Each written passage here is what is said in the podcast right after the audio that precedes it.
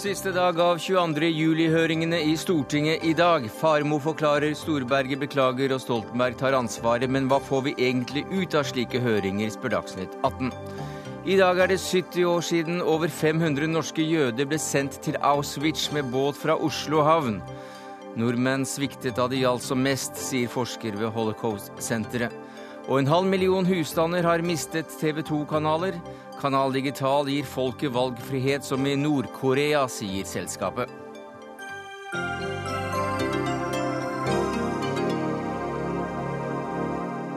Ja, Det er noen av sakene i Dagsnytt 18 denne mandagen, der vi også skal innom klimaforhandlingene som starter i Doha i dag, som vi alle vet.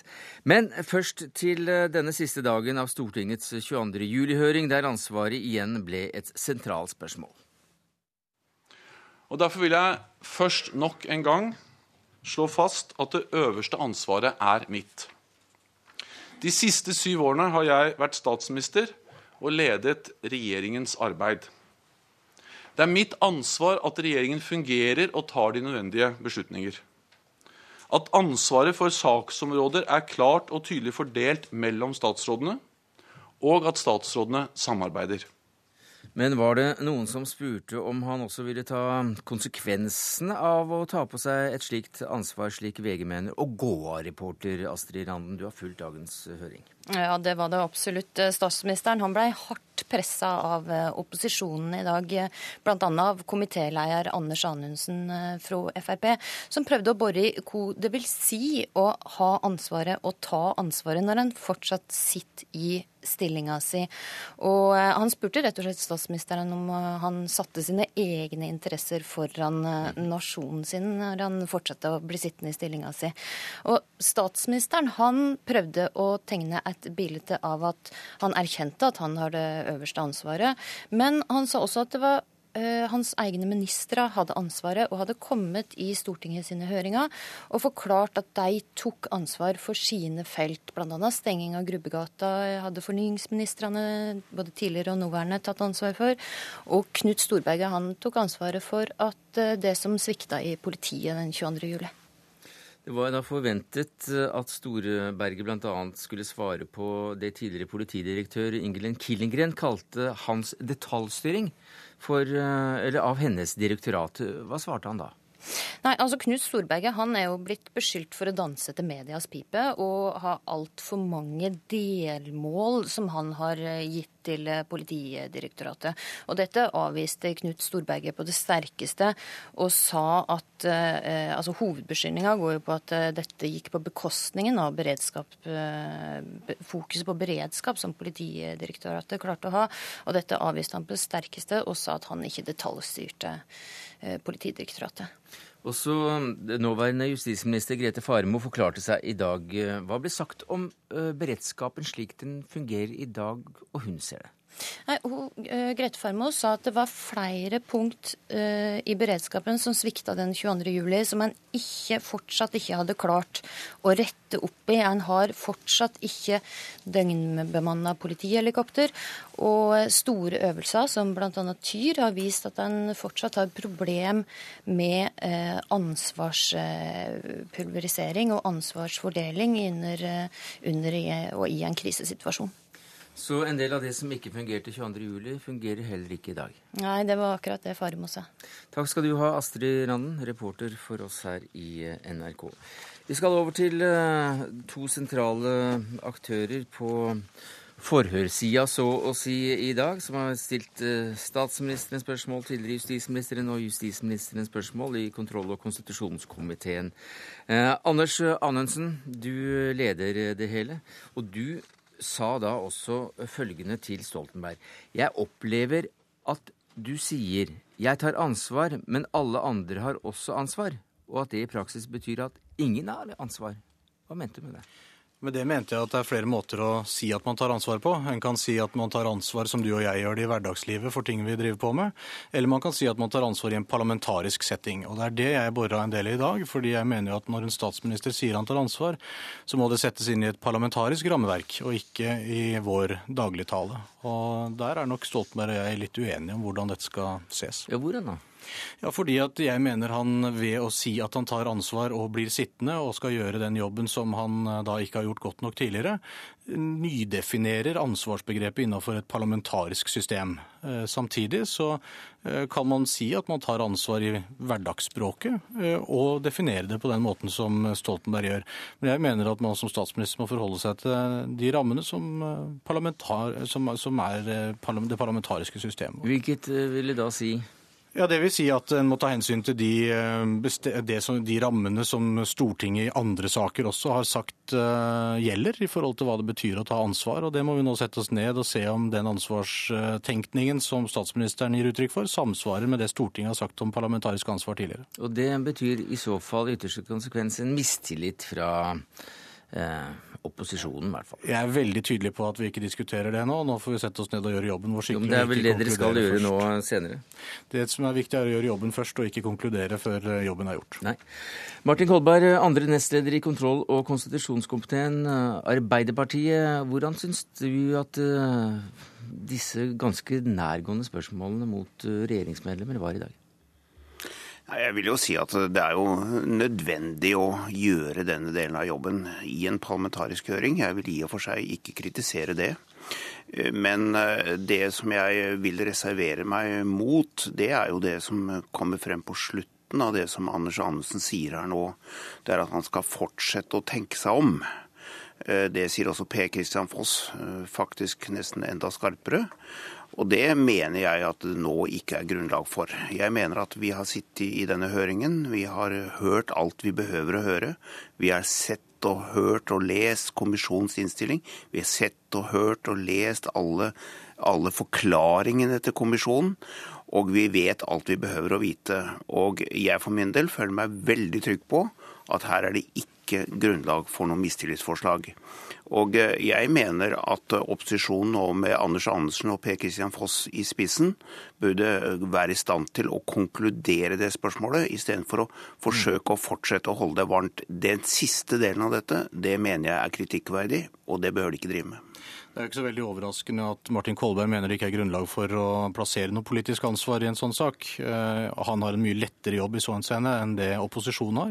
Vi er nødt til å bruke tid på det vi nå har hørt i dag, og det vi har hørt i de tidligere høringene. Det vi vet av andre ting, og det vi fortsatt må undersøke, for det er fortsatt en del uklarheter knytta til noen av disse forholdene. Så jeg skjønner godt at Martin Kolberg sier det han gjør. Jeg vil bli veldig overrasket hvis han sa noe annet. Men uh, opposisjonen må altså fortsatt bruke huet, sette sammen den informasjonen vi har. Så så får vi se hva konklusjonene blir underveis. Og Det er jo hele poenget med den prosessen vi nå går inn i. Opposisjonen må bruke huet. Sier du at Kolberg ikke trenger å bruke huet? Nei, men jeg sier at eh, det er lettere å trekke en konklusjon for et posisjonsparti i forhold til om du skal bidra til at den sittende regjeringen som du selv støtter opp om, skal gå eller ikke.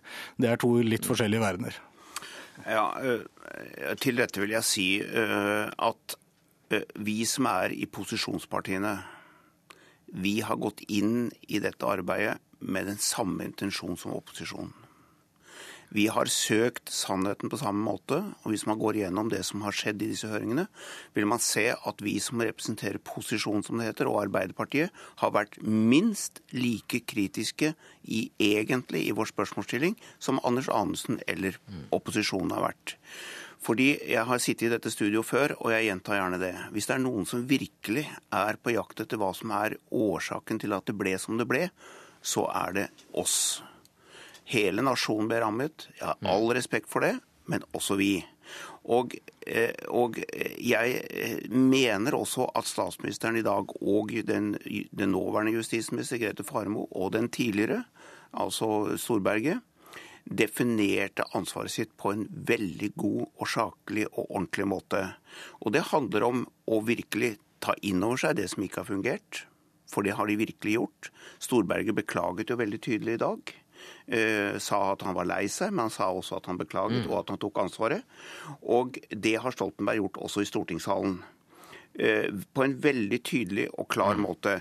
Og, og, da gjenstår det bare at opposisjonen aksepterer dette. Og hvis de ikke gjør det, så behøver de ikke vente til, til over nyttår nå med å ha en mening om dette fundamentale spørsmålet. Det siste som Anundsen sier her, er en politisk mm. utflukt. Dette er, dette er, litt utradisjonelt, for å være helt ærlig. Prosessen i vår komité når det gjelder sånne saker, er veldig normal. Og vi jobber altså frem en innstilling over tid. Og det er veldig, veldig uriktig å trekke konklusjoner før arbeidet med innstillingen har begynt. Det arbeidet begynner jo nå. Det er jo nå vi skal sette oss ned og skrive det vi mener, samle sammen den informasjonen vi mener er relevant, og så skal vi konkludere med bakgrunn i det. Så det å hevde at vi skulle truffet noen konklusjon en halvannen times tid etter at den siste kontrollhøringen er i en så stor, omfattende sak som dette, det vil være litt lite seriøst av opposisjonen, rett og slett. Ja. Nå har uh, Anundsen og jeg vært i flere diskusjoner om andre typer saker òg.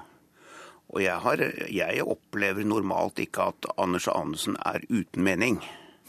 Tvert imot, han har meget sterke meninger. F.eks. i Jonas Gahr Støre og Tschudi-saken hadde han klare meninger på et veldig tidlig tidspunkt. Er ikke det lov for en opposisjonspolitiker? Jo, jo, jo, men han sier nå at han ikke kan ha det. Det er derfor jeg tar fram dette. Mm. dette og det er, er det, som er utfordringen. Nei, dette er jo en fullstendig sammenblanding. Heller ikke i denne Støre-saken ble det klart før innstillingen ble lagt frem at opposisjonen med unntak av KrF fremmet et såkalt kritikkvedtak. Så prosessen der var helt lik den prosessen vi nå er inne i. En skal ha meninger underveis, men når en skal konkluderes, må det faktisk gjøres du, som ledd i en prosess. Hvilke meninger ligger under følgende spørsmål som du stilte statsministeren? Eh, da du også uh, formulerte deg noe sånn som at uh, om, man da setter sine egne interesser foran nasjonens? Poenget med det spørsmålet er å prøve å sette dette ansvarsbegrepet inn i en parlamentarisk ramme. Eh, og Derfor er det viktig å få hans svar på det. Tror du han setter uh, sine egne uh, interesser i den sammenheng foran nasjonen? Ja, det lå ikke noen sånn føring i det spørsmålet, men jeg synes det var Hvorfor viktig å få du? Det, fordi det var viktig å få hans vurdering av det inn i en ramme hvor ansvar skal plasseres i en parlamentarisk setting. Og det svaret han ga, er jo en del av det vi må vurdere i forhold til hva Stortinget tidligere har sagt om hva det vil si å ta parlamentarisk ansvar. Hva syns du om et slikt spørsmål, Kolberg? Ja, jeg sa helt i begynnelsen her nå at jeg innrømmer opposisjonen absolutt muligheten til å gå hardt på, som det heter i en så alvorlig sak. Men det der mener jeg, for å si det litt enkelt nå, er over grensen. For det er et det er, Og det, det syns jeg vi bør snakke litt ordentlig om. fordi det er, det er nå de begynner å fortsette å dra i dette og forsøke å, å, sette spor. Vi vet ikke helt, vi får se. Vi skal drive en formell behandling.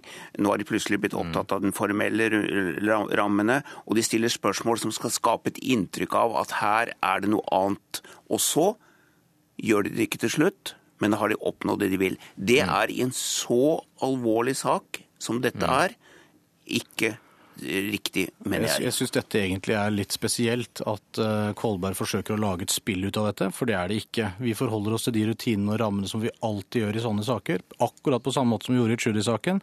Men det er altså viktig å ikke trekke konklusjoner før du har gjort jobben, og det er nå den store jobben begynner. Når er det denne store jobben blir ferdig, da? Vi har ikke satt noe endelig sluttdato, men jeg håper vi i løpet av enten januar eller starten av februar kan begynne å lande konklusjoner. Og da er det jo snart valg, Kolberg? Jo, men jeg tror når vi kommer fram til det eh, tidspunkt, så er vi opptatt av helt mm. andre saker, alle sammen. Vi får se. Takk skal du ha, Martin Kolberg, andre nestleder i kontroll- og konstitusjonskomiteen for Arbeiderpartiet, der Anders Anundsen er leder og representerer Frp. Ja, Kyrin Nakim, du er politisk redaktør. Du fikk med deg hele høringen i dag, og nå har du hørt eh, denne lille meningsutvekslingen her eh, i studio. Hva er ditt inntrykk av det som skjedde? Det var eh, omtrent det vi kunne forutsi ville skje. Det blei en diskusjon om hva er ansvar. Når Jens Stoltenberg sier at han tar ansvaret, hva innebærer det? Og Der er det eh, ulik oppfatning om hvorvidt man sitter i posisjon eller er i opposisjon. Eh, og Jeg forstår at opposisjonen må gå tilbake og se om, om de er fornøyd med det ansvarsdefinisjonen som, uh, som Stoltenberg nå setter fram. For den opposisjonen den, har, den er treleddet. altså Han skulle få fakta på bordet. Det var den ene delen, og viktig at vi fikk det. Den andre delen var at man skulle lære, og tredje var at man skulle få tiltak, altså handling at han skulle rette opp feilene. Mm. Og det er jo ikke den vanligste formen for ansvar som man regner med. Det er ikke den formen man har. Så man, at man tar en, tar en vurdering på det, syns jeg er ganske normalt. Ja, for Før dagens høring så sa du til NRK her at uh, inntil i dag har alle som har møtt komiteen, kunnet skyve ansvaret uh, oppover, eller i hvert fall til siden. Men i dag så fikk du jo toppen av pyramiden. Bortsett fra kongen som ikke deltar. ja, nei, og det, det var betegnende, for Stoltenberg har ikke noe annet sted å plassere ansvaret. Mm. Han kan, og han gjør det delvis eh, når han snakker om eh, Grubbegata. Eh, da peker han på at det ikke var statsministerens kontor, altså det som ligger rundt han, direkte, som var ansvarlig, men faktisk så var det Fornyingsdepartementet som hadde ansvaret, og det konstitusjonelle ansvaret. Det er ikke helt klart ut fra det vi har hørt i høringene. Men dog, det passet Stoltenberg å, å, å få fram det. Men ellers så kan han ikke skyve fram og tilbake slik du har sett det i nesten alle. Og så var det diskusjonen har det da fått en ansvarspulverisering når det er mange som har ansvar nedover. Og der sier Stoltenberg at nei, vi har bare, det er bare fordelt ansvar bredt utover. Men spørsmålet som, som komiteen må ta hensyn, eh, stilling til, er om det var en ansvarspulverisering, slik eh, eh rapporten, 22. juli-rapporten mm. egentlig pekte på, særlig rundt dette med Grubbegata. Eh, og der blei vi ikke så veldig mye klokere, egentlig. Så hørte vi også Kolberg og Anundsen ta et par runder om dette er et politisk spill, da særlig fra opposisjonens side. Hva sier du til det? Opposisjonen må gå inn i denne saken. Altså, det er den viktigste saken kontrollkomiteen har hatt på tiår. Eh, kontrollkomiteen må kunne gå inn og kontrollere at regjeringens egen rapport For det, husk at det er 22. juli-kommisjonens rapport er det. Og, deres, og, den, og som, eller den redegjørelsen som Stoltenberg da ga til, til, Stortinget, om den er riktig. Eh, og Da må man også regne med at det blir tøffe spørsmål. Jeg syns eh, faktisk eh, opposisjonen har eh, stilt med håndbrekket delvis på. Særlig gjelder det Høyre. Det kunne vært mye kraftigere i kritikken. Tenk på hvilken vanvittig utfordring og sak man egentlig står overfor her. Eh, og at man da går litt hardt på noen spørsmål rundt ansvar, det mener jeg at både statsministeren og demokratiet tjener på. Hvilke type spørsmål syns du posisjonen har stilt her? Jeg er mer overraska over posisjonen, egentlig. fordi hvis man sitter i kontroll- og konstitusjonskomiteen, så er kontrolloppgaven den viktige. Og den bør være deles uavhengig av hvilket parti man, eh, man eh, stiller for. Eh, og det er ikke vært tvil om her at man har prøvd å stille spørsmål som er til, til posisjonens fordel. Innimellom kommer det noen kritiske spørsmål, men det er mer til syns skyld. I bunn og grunn så har man kunnet lene seg tilbake og vite at de spørsmålene som kommer, er for å stille regjeringen i et, et godt lys. Mm. Man har ikke egentlig vært villig til å gå så tett innpå som, som, som opposisjonen har vært. Og det er opposisjonens oppgave, og her har de delvis fylt den. Frank Aarbrot, professor i sammenlignende politikk ved Universitetet i eh, Bergen. Hva tror du Stortingets kontroll- og konstitusjonskomité har fått ut av eh, disse fem høringene om terror 22.07? De har vel ikke fått ut så veldig mye mer enn det de kunne lese ut av Gjørv-kommisjonen og, og nedsatt å lese avisen i uken etterpå. Men uh, det som er viktig her, er jo den, i hvilken grad man da sier at kontrollkomiteen representerer en parlamentarisk forankring. Og Det er eh, konstitusjonelt Stortinget som skal foreta kontrollere regjeringen. Og det at et utvalg kritiserer regjeringen, er ikke det samme som at Stortinget kritiserer regjeringen. Så det er nok eh, Hvis eh, ikke denne Gjørv-kommisjoninnstillingen skulle være gjenstand for en, for en høring i, i eh, kontrollkommisjonen, så ville man jo lurt på hva i all verden man trenger med en kontrollkomité i Stortinget i det hele tatt. Men eh, er, er, eh, alle disse høringene som vi har hatt i det siste, er de belemret for så vidt med at det er opposisjonens mulighet for å markere seg kraftig? Ja, altså Faren ligger jo i dette høringsinstituttet, jo, som, er, som er relativt nytt i Stortinget. Altså adgangen til åpne mm. høringer. Mm. Det er jo at så det, det, er det er en situasjon som er i ferd med, eller en institusjon som er i ferd med å sette seg. Altså, eh, denne høringen her er jo da enstemmig vedtatt av alle partiene at det skulle være en høring, og det skulle for øvrig bare mangle.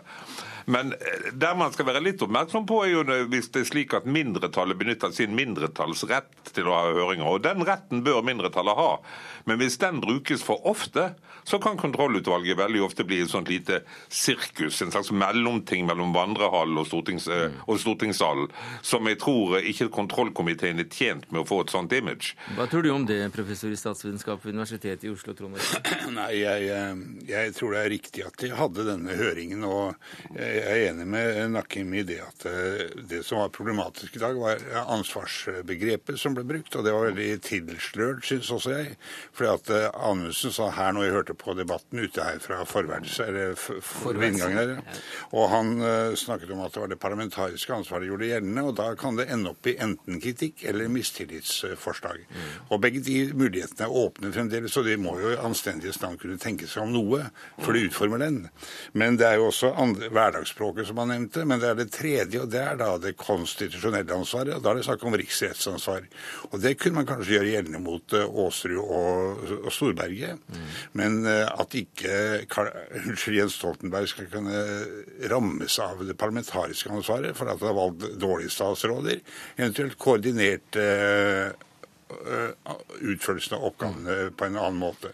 Men, men, la oss holde akkurat dagens høring uh, utenfor og se på det mer generelle. Altså, hva slags, uh, hva slags institutt er det vi har fått med disse høringene? Det er ganske nytt. Det var som Frank Aarbrot sa, det var, ble jo da stiftet i kontroll- og konstitusjonskomiteen i 1993. Og den videreførte den oppgaven som Odelstingets protokollkomité hadde hatt tidligere, men det ble ganske sjuskete og dårlig grunnlag, for det var bare protokollen fra statsrådsmøtene som den fikk da på etterskudd. Slik at den fikk jo da en helt annen grunnlag for å kontrollere regjeringen, som var en oppgave som blitt mye mer sammensatt og mangfoldig med årene slik at den fikk jo rapporten fra Riksrevisjonen og fra granskingsutvalget til Stortinget osv. Og, så og nå hadde de da Stoltenberg som uttalte 28.9. på grunnlag av eh, den rapporten som vel Stortingets eh, komité med Knut Inge Hareide hadde, hadde avlevert. Okay. Ja, nei, altså, jeg er vel av den oppfatning at innimellom så har dette instituttet blitt misbrukt av opposisjonen. altså at Man har tatt opp saker som kanskje ikke har endt i noe særlig, og som, som uh, som eh, de kanskje kunne spart seg for. Men samtidig så er det viktig å ikke innskrenke den muligheten de har. Fordi det er en veldig viktig demokratisk funksjon. Eh, når du har en flertallsregjering, så kan den holde tilbake informasjon. Den kan eh, måte sørge for at debatter blir kvelt, at man ikke får fram den informasjonen som man ellers kan få fram. Så selv om det ikke alltid ender med kritikk, selv om det ikke ender med fellelse, for å si det sånn, så er det viktige ting som blir diskutert, og det kommer fram, og man kan stille spørsmål som vi i media bl.a. møter en, en, en, vegg. Vi får bare ikke svar fra, fra, fra uh, embetsverk eller fra, fra politikere. Nei. Og da trenger vi denne, denne, institusjonen for å få fram dette. Ja, vi, vi, vi er veldig glad i akkurat det at det instituttet er kommet, Aarbrot. Men hvordan syns du gjennomføringen er nå? Nei, altså Gjennomføringen er jo for så vidt verdig nok mm. i, i, denne konkrete høringen. Jeg er ikke sikker på at det vil være i sånne politiske markeringshøringer der man forsøker å sverte en statsråd for å si det på den måten ved å bruke mindretallsretten sin. Men jeg er litt opptatt av å kaste blikket enda litt videre. Det er jo litt pussig at både Norge og etter oss Storbritannia har innført dette åpne høringsinstituttet, som jo er kopiert fra USA. Og USA det har hatt parlamentariske høringer ganske lenge. De har jo ikke et parlamentarisk system. Der er jo det er strafferettslige konsekvenser eller riksrettslige konsekvenser det er snakk om. Men det pussige her er jo at det øyeblikket dette amerikanske instituttet kommer inn i parlamentariske system, så greier man ikke å skille klart nok mellom konstitusjonelt ansvar og parlamentarisk ansvar. Og, og det er jo ikke det minste rart, for det er jo på en måte en fremmed fugl i et parlamentarisk system. For i et parlamentarisk system er jo det folk i valg som velger et flertall i parlamentet, og makten utgår fra det flertallet i parlamentet som da dannes etter et valg. Og det er jo mm. uendret av situasjonen. Slik at disse dramatiske høringene som man kunne tenke seg i forbindelse med riksrettssaken mot Clinton f.eks., ble jo på en måte ville forekomme uhyre sjelden i den norske virkeligheten. Ja, Det var jo Tønne Sandnes som først tok initiativ, men pådriveren var Carl I. Hagen.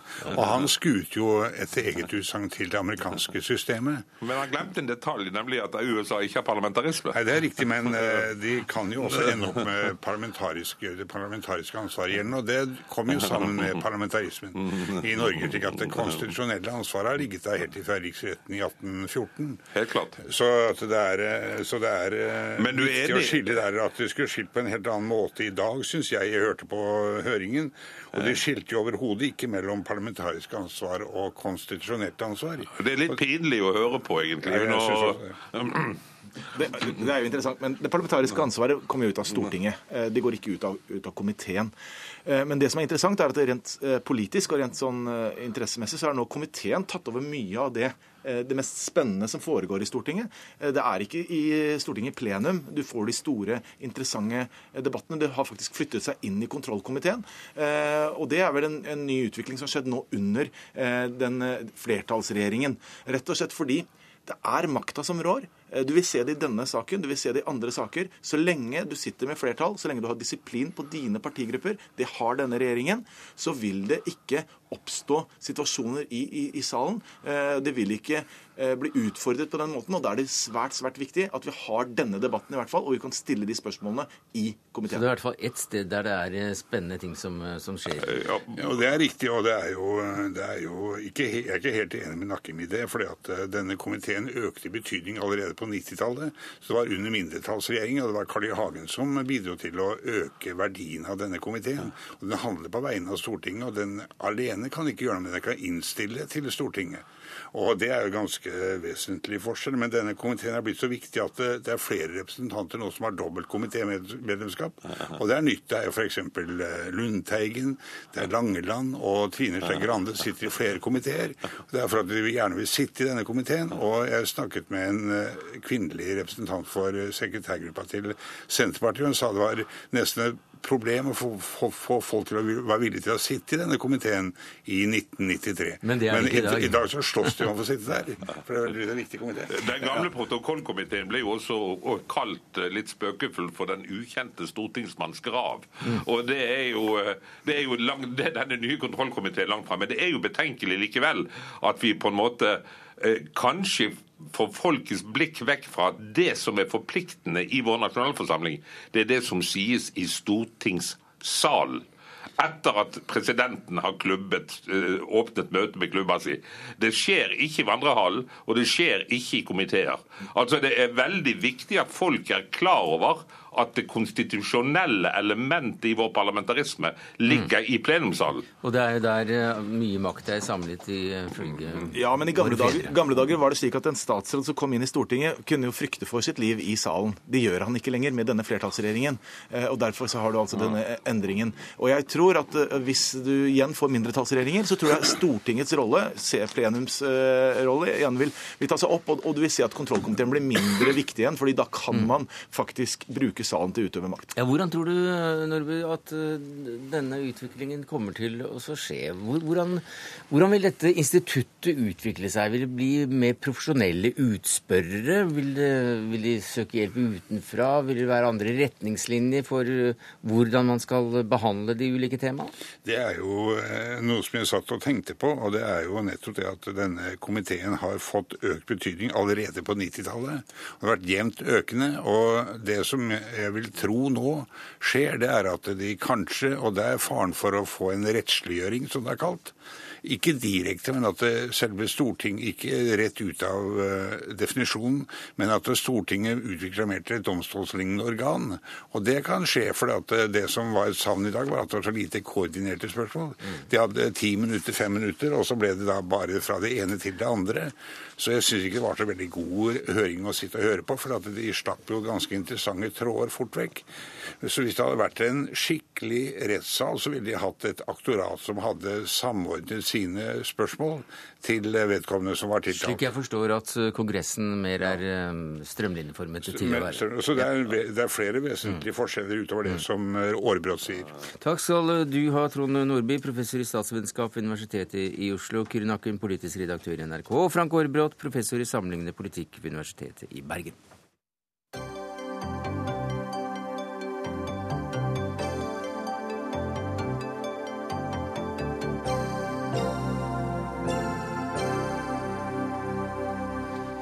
Ja, I dag eh, starter FNs klimatoppmøte COP18 i Doha. Og akkurat de forhandlingene har vel ikke preget førstesiden slik f.eks. København-møtet gjorde for eh, tre år siden. Eller hva sier du Silje Lundberg, du er leder for Naturungdom?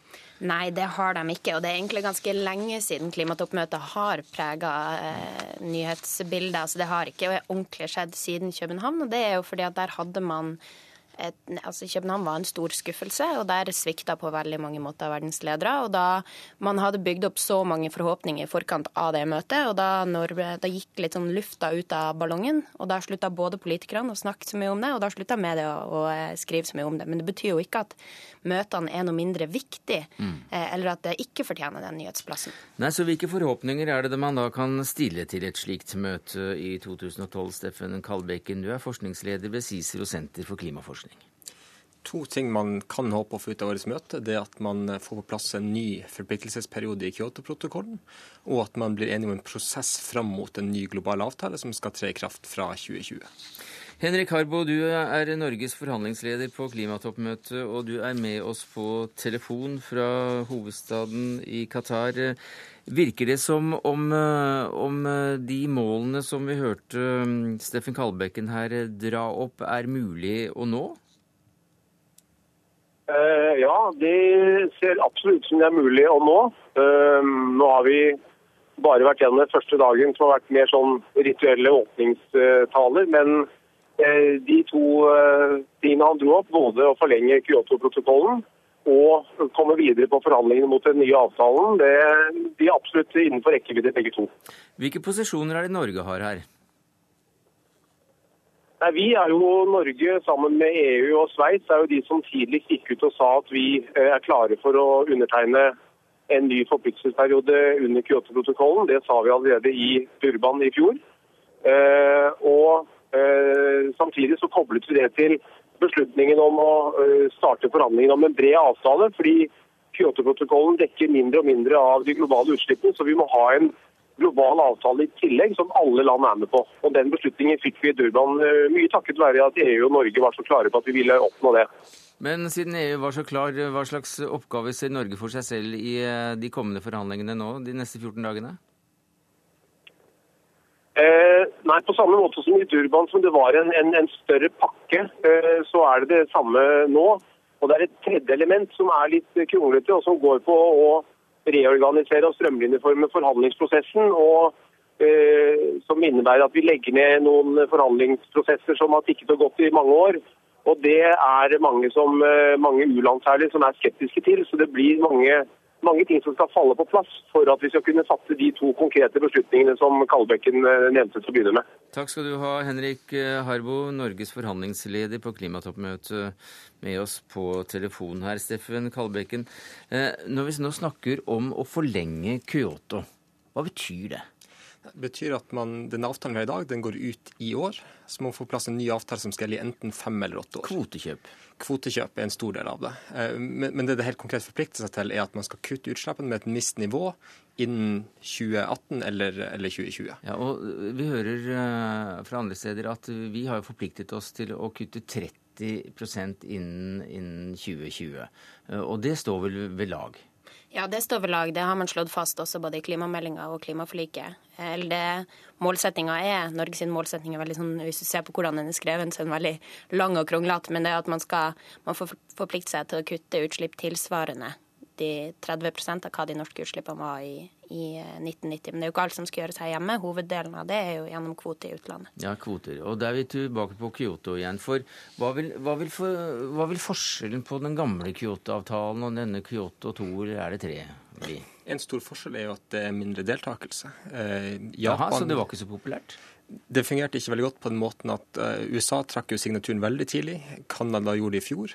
Og Russland, Japan og New Zealand har sagt at de ikke vil være med på en ny periode. Så er det viktigste endringen at det rett og slett omfatter færre land enn det forrige periode. Ja, hvem er det som er igjen da? En eh, del uh, tredje verdensland og EU og, og, Norge og Sverige? Av de som skal kutte utslipp, så er det hovedsak EU, e Norge, Sveits og Australia så skal det sies at flere av de målsetningene som ligger på bordet, og som, eh, som landene på en måte har forpliktet seg til, det er målsetninger som er for dårlige hvis du faktisk skal følge opp de anbefalingene som kommer fra FN. Det er sånn hvis du ser, Australia kommer jo med nyheten om at de vil være med på en ny forpliktelsesperiode for noen uker siden, men deres målsetning er å redusere sine utslipp med 5 av hva de var i 1990, tilsvarende i 2020. Så det er jo også noe av det som er det er bra at, man, eh, at Henrik nå virker måte glad for at, man, at, det ser ut som at man skal komme i mål med en videreføring av Kyoto, men der har man jo store utfordringer òg. Etter den første perioden har man veldig mange sånn overskuddskvoter igjen. Eh, som betyr da at det er veldig mange land som vil ha dem videreført inn i en ny periode. Og da kutter du i realiteten ingen utslipp hvis man bare får dem videreført. Og Det er jo mm.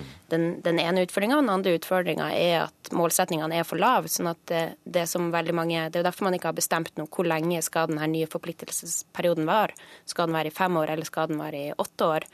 Og Der er det jo flere av de utviklingslandene har jo tatt til orde for at de vil at den skal være på fem år. Fordi de ikke vil låse inne mm. dårlige ambisjoner Eh, over åtte år. Men som du sa, så blir altså de norske kuttene de blir gjort ved at man kjøper opp eh, kvoter. Eh, hvem tjener på det? Det tjener jo begge parter på. Norge tjener på den måten at det er forholdsvis dyrt å kutte utslipp i Norge, sånn at det er billigere å kjøpe kvote. De som selger kvoter, har også en fortjeneste på det. Hvem er storsalgslandene? Det er to ulike systemer. Det ene er det man kaller såkalte grønne utviklingsmekanismen, der, der Kina er den største selgeren. Eh, hvis vi kjøper kvoter fra, fra, EU, så de som har store kvoter, er da typisk de tidligere østblokklandene i, i, Europa. Men som vi da hørte, så skal det også kuttes, uh, kuttes 30 og, og, og, EU skal til Det er vel 20% der. Er det realistisk? EU kan uh, klare å nå sitt mål. Mye takket være en uheldig omstendighet, nemlig finanskrisa. Så, så EU sine utslipp gått ned betydelig. Eh, Norge ligger noe dårligere enn i forhold til nå sitt mål for 2020. Men så kjører også de viktigste landene forbi oss på en helt annen måte når det gjelder å blåse i den slags avtale med USA og Kina og Russland eh, i spisen. Er det da noe vits? Det er jo nettopp derfor det da er så viktig at man nå har enkeltland som går foran og kutter utslipp hjemme. Altså, vi vet at vi får ikke en ny global avtale før i 2020. Likevel så har forskerne veldig klare anbefalinger om hvor mye av klimagassutslippene som skal kuttes før den tid. Og Da er det kjempeviktig at, nu, at da, særlig de rike landene tar sitt eh, ansvar på alvor og da går i tet og kutter utslipp. Og der altså, En ting er jo på en måte EU sitt totale mål, men der har du også ulike målsetninger innad i EU. Og da hvis vi av og til når man snakker om klimapolitikk og sånn, så er det av og til litt sånn trist å sammenligne oss med Sverige, for de er så vanvittig mye bedre enn oss. Men sånn, Sverige har jo et mål om å kutte sine utslipp med 40% og de skal ikke ha noe kvotekjøp. Men tilbake til da interessen for, for slike klimatoppmøter, som altså toppet seg på, på en måte, i hvert fall med København for tre år siden eh, og som nå er på et lavmål i forhold til, eh, til, det. Og det er jo ikke så rart når eh, land trekker seg, og det ikke er noe særlig blest om det, og det ikke ikke er så viktig i den store sammenhengen eh, lenger, som da det virket som om alt sto på spill? Ja, men det, det, og det er jo det her som er på en måte utfordringa med politikken. og det er jo litt sånn, eh, De her politikerne går jo dit vinden blåser. Jeg forstår at du prøver å blåse på, på den skuta som skal seile i retning bare, Men, bare men allikevel, altså, hva er det som står på spill nå i forhold til i København? Er det ikke så mye som står på spill nå, da? Det er jo enda mer som står på spill, okay. fordi vi har enda kortere tid på oss. Det er jo det som er, altså Når man hadde København, da hadde man mye lengre tid. Eh, nå har det gått eh, København var i 2009, så nå har vi på en måte mista noen veldig verdifulle år på å både sørge for nye avtaler som faktisk mm. kutter utslipp, men også handling i enkeltlandene. Men Lundberg sa altså tallet 2020. Hva er det som skal skje da? Innen 2020 så skal en ny global avtale tre i kraft. Så, så, i 20, og det kommer sikkert ikke til å komme så mye før, så da kan det i hvert fall bli et veldig spennende møte? Det møtet kommer til å være i 2015. Det innen mm. 2015 skal vi på plass okay. den avtalen som skal gjelde fra 2020. Så om to år så kommer det til å bli et, et stort og avgjørende møte igjen? Ja, I 2015 så kommer det nok til å bygges opp forventninger på nytt, mye på samme måte som mot København. Ja. Et viktig premiss som endrer seg, er at det står at alle land, også utviklingsland, skal være med på forpliktelser i, i den nye avtalen. Det er et veldig viktig punkt, men også et vanskelig punkt som det kan bli omkamp om på årets forhandlinger. Vi får se, Steffen Kalbekken. Takk for at du kom og redegjorde for det som forskningsleder ved CICERO senter for klimaforskning. Takk til deg, Silje Lundberg, leder for Natur og Ungdom.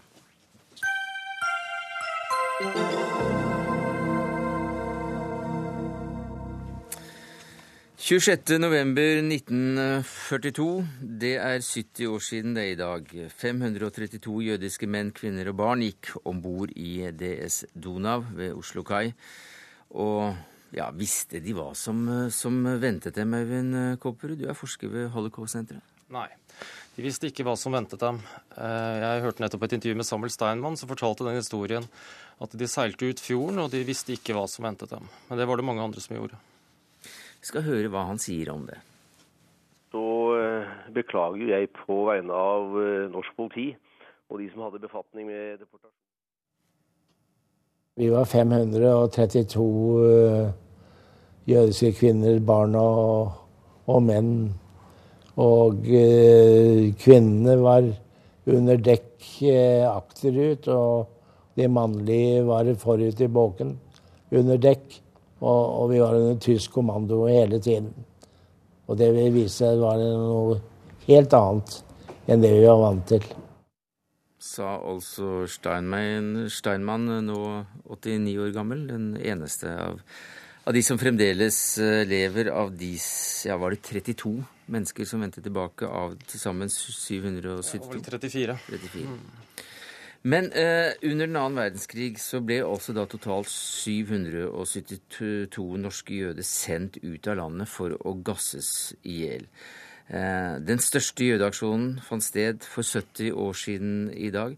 Og i dagens utgave av avisen Vårt Land så skriver eh, du at mange nordmenn sviktet da det gjaldt som mest. Ja, det var mange nordmenn som sviktet når det gjaldt som mest. Altså, det var eh, norske polititjenestemenn, norske drosjesjåfører som var med på aksjonen mot de norske jødene. og De behøvde ikke være nazifisert. Mange av de var ikke medlem av NS, men de gjorde som det ble fortalt. Hva skjedde den dagen? Ja, det som skjedde den dagen, var jo det at jødiske menn hadde blitt arrestert en måned før. Og Den natten så ble jødiske kvinner og barn arrestert, fraktet ned i drosjer. Eh, aksjonen ble ledet av politiinspektør Knut Rød fraktet ned til kaia, eh, hvor norske politi- og tjenestemenn overleverte dem til eh, tyske styrker, som fraktet dem da, eller tok dem om bord i Donau og fraktet dem først til Stettin, så videre til Auschwitz. Og Der eh, ble kvinner og barn drept umiddelbart, og menn i arbeidsfør alder de skulle også dø, men de skulle dø i en arbeidsleir.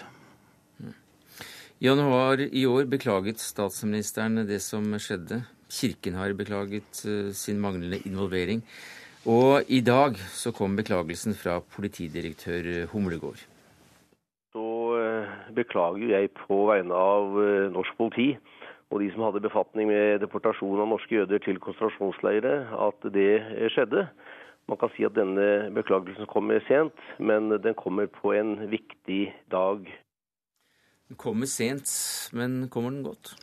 Ja, jeg syns den kommer godt. Eh, jeg syns det er bra at det endelig kommer en unnskyldning fra politiet. Eh, det er jo helt opplagt at eh, politiet har mye å svare for. Som jeg sa, så var det også mange polititjenestemenn som ikke var medlem av NS. Det var lensmenn.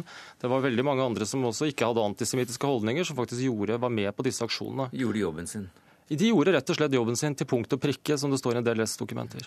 Arne Johan Vetlesen, professor i filosofi ved Universitetet i Bergen. Hvorfor har det tatt 70 år, tror du?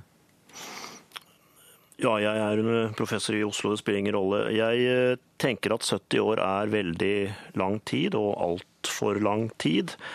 Eh, de faktiske forholdene har jo vært kjent og ble jo rullet opp, kan man si, i stor grad under rettssakene i forbindelse med landssvikopprøret f.eks. mot uh, nevnte politiinspektør i Oslo, Knut Rød.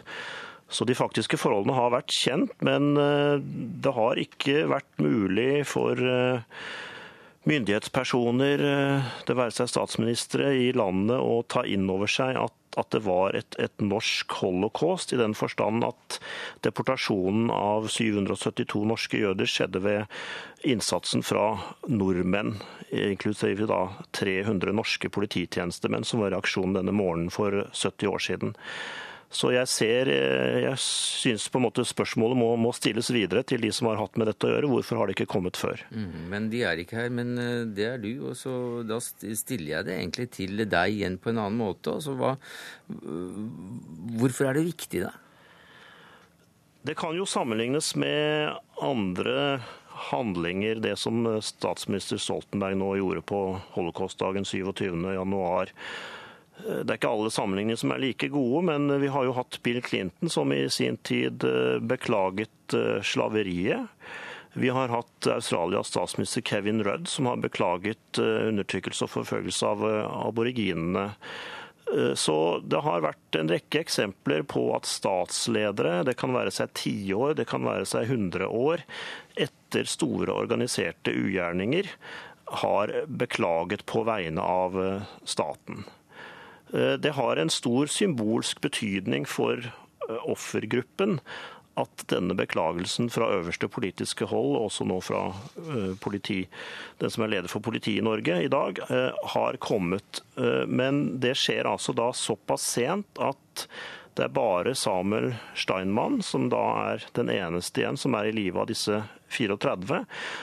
Hadde beklagelsen kommet f.eks. av en norsk statsminister for 30 eller 40 år siden, så ville jo ikke bare langt flere av disse 34 ofrene enda vært i live og kunnet, kunnet, oppleve det, og så å si da gå i, gå i graven med vitende om den unnskyldningen, den beklagelsen. Men også flere av aktørene, inklusive nevnte Knut Rød og andre av disse polititjenestemennene, ville da vært i live. Og sånn sett så ville beklagelsen for noen tiår siden hatt også en annen brodd. Øyvind Kopperud, hvordan vurderer du denne dagen med hensyn til eh, hva ungene lærer om den? Hva som står i lærebøkene? Det har skjedd en veldig kraftig endring eh, de seneste ti årene, eh, for ikke å snakke om 20 år. Det var, For en tid tilbake så var ikke dette en del av norsk historiefortellingen. Holocaust var noe som skjedde utenfor landets grenser. De som visste at norske jøder fantes, det var ganske få. Og dette var ikke en del av den felles kollektive erindringen. Det er, det, det er blitt en bedring på det de senere årene. Eh, så det er kommet mer i lærebøkene. Samtidig så er på en måte historien en prosess. Altså, eh, jeg tror ting ofte tar tid. Eh, Kirken ba om unnskyldning, som du nevnte. Politiet har gjort det i dag. Er det flere som ja, så det er klart, uh, Rettssaken mot politiinspektør Knut Rød som vi snakket om, som da ble frifunnet, og hvor uh, norsk lagmannsrett uh, veier og rett og slett finner jødene for lette. Altså De veier og sier at han har jobbet for motstandsbevegelsen på den ene siden, 532 menneskeliv på den andre. Og de ble funnet altfor lette. Det er klart det er en skamplett i norsk historie. Og jeg vet at juridiske miljøer er i ferd med å ta fatt på det og granske og se nærmere på det. Og det er utrolig viktig å bli gjort. Vittlesen. Ja, det er utrolig viktig at eh, det blir gjort. Og jeg kan jo også tenke på at jødene i Norge da i 1942 er en veldig liten eh, minoritet. Vi snakker om 1600 eh, personer i alt, og ca. halvparten kom seg da i landflyktighet, de fleste til Sverige før disse aksjonene høsten 42. Men det er en, en liten og stadig veldig liten, stadig veldig sårbar minoritet og det var jo selvfølgelig noen norske som stilte opp for de ca. 800 som klarte å komme seg ut av landet i tide. Men det var jo også slik at den store majoritet eh, forholdt seg helt likegyldige og helt passive til at dette skjedde. Ja, Det er ganske interessant, fordi at jeg eh, husker veldig godt en eh, person som var aktiv motstand, i motstandsbevegelsen, også under andre verdenskrig, som sa til meg en gang at vi tenkte rett og slett ikke på dem. Og Det tror jeg ofte oppsummerer. altså Var snakk om var alle disse som deltok antisemitter, var de på en måte hatet de jødene? Jeg tror ikke nødvendigvis det. Jeg tror rett og slett at det var en likegyldighet, og at man rett og slett ikke tenkte på dem i så stor grad som man kanskje burde ha gjort, eller som man burde ha gjort. Det er utvilsomt at man burde det. Men uh, når jødene ikke engang selv var klar over hva de uh, skulle det, det... ende opp som, så var vel ikke den vanlige nordmann heller det? Nei, det er helt klart. Men det var tiltak som skjedde hele 1942, med innskrenkning i jødenes rettigheter. Så man burde ane at noe fælt var i ferd med å skje. Det kom jo opp i rettssakene. Vi visste ikke hva det gikk til, ble det sagt. Og det stemmer nok i mange tilfeller. Det er jeg helt sikker på. Jeg vil gjerne få skyte inn der at når man da er i november 1942, så er man ganske ganske mange år ut i dette forløpet som er det systematiske folkemordet. Husk på at eh, Hitler opprettet den første konsentrasjonsleiren i mars 1933, seks uker etter han ble rikskansler. Og propagandaen hadde jo tiltatt utover hele 30-tallet, og man trenger også bare høre klipp fra talene til Quisling for å se at antisemittismen også var meget artikulert i det norske mm. NS. Men eh, Vetlesen, eh, det er da slik at det er 70 år siden i dag. Og er det ikke snart på tide å si at, eh, at nå har vi vel gjort opp, og så, så går vi videre herfra? 70 år er lang tid. Du har studert ondskapens eh, historie i alle dets eh, grusomheter, og du, det er vel visse erfaringer fra de studiene? Ja. 70 eh, år er, er lang tid, og det betyr jo også at de siste tidsvitnene går jo da i, i graven. Vi har bare Samuel Steinmann igjen i Norge i dag, som sagt. Og Det betyr at vi da vil tre inn i en, en ny fase. Det er ingen iblant oss lenger som kan bære vitne om det som skjedde. og Det blir desto viktigere for, for andre å ta dette videre. Eh, fordi at det, det er jo en spesiell ideologi som gjorde at det ble jødene den gangen. Men eh, en annen type ideologi med en annen eh, politisk farve kan sette i gang eh, lignende eh, aggresjon kanalisert mot en annen type gruppe, med en trykke på de samme knappene og mekanismene, og det kan skje igjen. Mm. Så det er også noe generaliserbart ved å eh, holde friskt minne om at dette faktisk mm. kunne skje. Takk skal du ha, Arne Johan Vetlesen, professor i filosofi ved Universitetet i Oslo. Øyvind Kopperud, forsker ved Holocaust-senteret.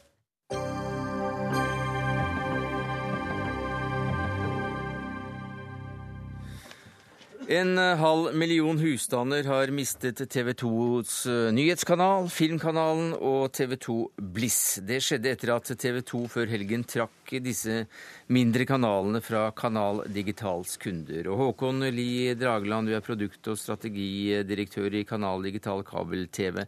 Hvordan reagerer det selskapet ditt på at TV 2 har fjernet kanalene nå? Det er vi skuffet over, men det er jo, eh, det er jo noe som skjer i forlengelsen av en, eh, av en uenighet som har vart lenge. Og Sånn sett så er det kanskje ikke så overraskende at det også kom dit. Eh, men vi beklager det på det sterkeste. Vi ønsker jo å tilby kundene våre alle de TV-kanalene som er relevante i, ja, for, i, Norge. Ja, for dette handler eh, til syvende og sist om penger? Dette handler om penger. Dette handler om mye penger. Eh, Hvor mye penger? Ja, vår, eh, vår, oppfatning av dette er at eh, TV 2 gjerne ønsker seg en finansieringsmodell som ligner på den som NRK har. Altså at hver norsk husstand skal betale et beløp til TV 2, da gjerne via, via TV-distributørene. Mm. F.eks. Kanal Digital? Du kan godt kalle det en lisens. Er det slik du også ser det, Rune Indre? Du er kommunikasjonsdirektør i TV 2. Nei, Dette er en kraftig fordreining av eh, virkeligheten. Altså Hele forhistorien her eh, eh viser at det er svært små penger innholdsleverandørene sitter igjen med. For to år siden så inngikk vi en avtale med staten staten ønsket å videreføre eh, vår hovedkanal som allmennkringkaster. og eh, Et viktig element der var at vi skulle få betalt en såkalt markedspris. Tidligere så hadde vi fått betalt 50 øre per husstand per måned, altså nærmest ingenting. Vi prøvde å forhandle med Kanal Digital Kabel. Det førte ikke frem. Da valgte Kanal Digital Kabel å gå til en uavhengig nemnd, Kabeltvistnemnda, Eh, som da fastsatte den nye markedsprisen for TV 2. Og da ble den? Da ble den åtte kroner per husstand per måned. Men siden det også var noen og 50 øre, så ble den åtte kroner? Ja, det ble den. Samtidig så, så betaler altså en husstand uh, i dag for Kanal Digital Kabel sin uh, grunnpakke 359 kroner. Altså De åtte kronene utgjør da 2 av denne grunnpakken. Det, Hvordan ser du på det, Dragland? Altså, Dere gikk til en nemnd for å få den vurdert, og så kommer nemnda til at det skal koste 8 kroner per husstand, ikke 50 øre, og så blir det bråk.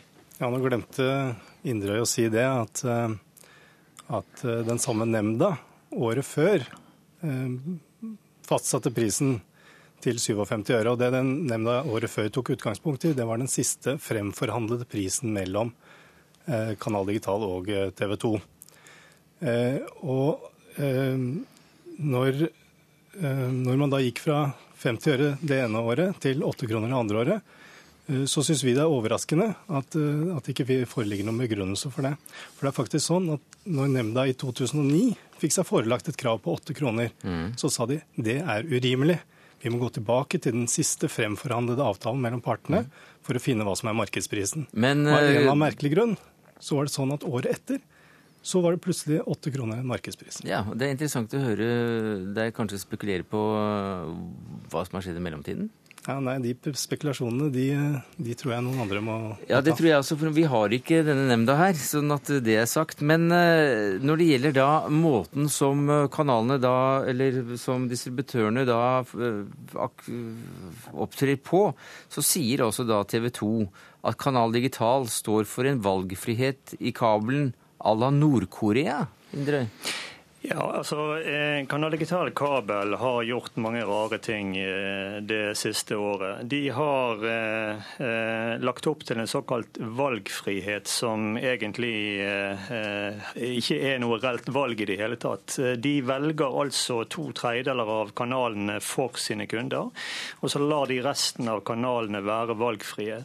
Det er jo en, en veldig spesiell uh, valgfrihet som, som uh, de må sannsynligvis ha hentet uh, ideer ute i verden for å, for å mm. finne denne type valgfrihet. Vi vil gjerne ha valgfrihet. Vi vil ha full mm. valgfrihet. Kundene skal få velge de kanalene de vil ha i sine pakker. Ja, Dragland, tror du at du er en slags strålende sol i Kim Il-sungs ånd som kan bestemme og skilte valgte som du vil her? Nei, jeg, unnskyld. Jeg skal ikke, skal ikke kommentere Nord-Korea, men eh, jeg registrerer at, eh, at, vi, at, vi, vel er de eneste distributørene som tilbyr valgfrihet på grunnpakkenivå. Og så er det sånn, Vi skulle gjerne hatt mer, flere, større andel valgfrie kanaler, men det, det var så langt som vi, eh, som vi, kom. Og så er det jo faktisk sånn at vi, Av våre kunder så er det nå de aller fleste har vært inne og valgt. Eh, og de tilbakemeldingene vi får fra kundene, de er kjempebra. Så jeg tror at den valgfriheten har, eh, den er ikke perfekt, men det er så langt som vi har kommet nå. Men Indre, dette er jo ikke siste ord som blir sagt eh, i eh, Dagsnytt 18 mellom dere to. Også nå i ettermiddag kom nyheten om at dere nå har henvendt dere til Kanal Digital for å få gjenopptatt forhandlingene. Så det, det, er, det er, en viss vilje her. Altså, Vi fikk en sterk oppfordring av Kulturdepartementet på fredag om å gjenoppta forhandlingene, og det skal vi selvfølgelig forsøke på. Vi har altså avtaler med samtlige TV-distributører i Norge, mm. unntatt Kanal Digital Kabel. Alle har kommet til enighet med TV 2. Men hva med en femmer, da? Så kan vi avgjøre det her og nå? Du, eh, Den eh, markedsprisen som nemnda har kommet frem til, den utgjør altså 2% av en grunnpakke hos Kanal mm. Digital Kabel. Altså fortsatt svært, svært mm. lite. Takk skal du ha, Rune Indre, kommunikasjonsdirektør i TV 2, Håkon Lie Dragland, produkt- og strategidirektør i Kanal Digital Kabel-TV. Dette må vi jo da eh, skjønne litt mer av, og derfor har vi spurt eh, om ikke du kunne komme, Sara Sørheim. Du er redaksjonssjef for Etter Børs i Dagens Næringsliv. Har fulgt denne saken tett. Hva er det det egentlig dreier seg om? Det handler om penger. Som så mye annet så handler det om eh, penger og hvem som skal få flest av dem. Det som ikke blir sagt av partene når de er i studio og krangler, det er jo hvem som skal betale til slutt. Og det er jo deg og meg og alle andre som abonnerer på TV-kanalene gjennom Kanal Digital. Den regningen kommer hjem i posten til oss til slutt. Ehm, men før det så er det en hel rekke kamper som skal eh, vinnes og tapes. Eh, og som dere hører, så er dette her en ualminnelig opphetet konflikt. Ganske hva skal vi si, høy kølleføring på begge sider av konflikten. Jo, men disse køllene de heves også i en situasjon der det plutselig er en nemnd som har gått fra 57 øre til 8 kroner per husstand. Det høres jo ganske tøft ut? Ja, der er du ved kjernen i denne konflikten. Denne konflikten handler egentlig veldig mye om Alf Hildrum sin genistrek som eh, sjef i TV 2. Han fikk forhandlet frem en avtale med staten eh, i 2010 som er veldig god for TV 2. Og det har på en måte vært Hildrums prosjekt helt fra han tok over i 2007, å gjøre TV 2 eh, mindre avhengig av annonseinntekter. Og det har hun lykkes med nå, nesten i alle fall, fordi de har fått en avtale som garanterer dem en mye høyere fast inntekt fra kabelselskapene enn det de har hatt frem til nå. Men ikke digital? Nei, men Så er du ved da, som sagt, kjernen i konflikten her. Er det virkelig riktig at en eh, statlig oppnevnt, oppnevnt nemnd skal bare få fastsette en gang for alle at en markedspris er fem kroner eller åtte kroner? Det er jo også det motsatte av en markedspris, som ellers pleier å bli til nettopp i et marked, og ikke diktert av et statlig utvalg. Så dette er stridens eple. Så her har nemnda noe å svare for? Ja, og det blir spennende å se. Kanal Digital via Telenor har jo gått til retten for å få omgjort dette vedtaket. Den saken kommer opp i ja, januar-februar, om ikke Telenor trekker seg. Og da får du statseide Telenor, som da går til sak mot en statlig nemnd, eh, som er satt ned av Kulturdepartementet. Så denne saken er ikke over. Så stat mot stat. Stat mot stat. Eh, så for å oppsummere denne konflikten kan du si at det hele begynte muligens med en avtale som eh, Hildrum eh, gikk inn først med Trond Giske og deretter med Anniken Huitfeldt. Men den avtalen var kanskje for god til å være sann. I hvert fall har den ført til mye konflikt i etterkant. Vi får se når, eh, når nemnda må svare for seg og forhandlingene mellom partene er over. De er altså invitert til en ny runde. Takk skal du ha, Sara Sørheim, redaksjonssjef for Etterbørs i Dagens Næringsliv. Det var det vi rakk i Dagsnytt 18 denne mandagen. Ansvarlig for det hele var Siri Storstein Hytten. Det tekniske ansvaret hadde Lisbeth Sellreite. Jeg heter Sverre Tom Radøy.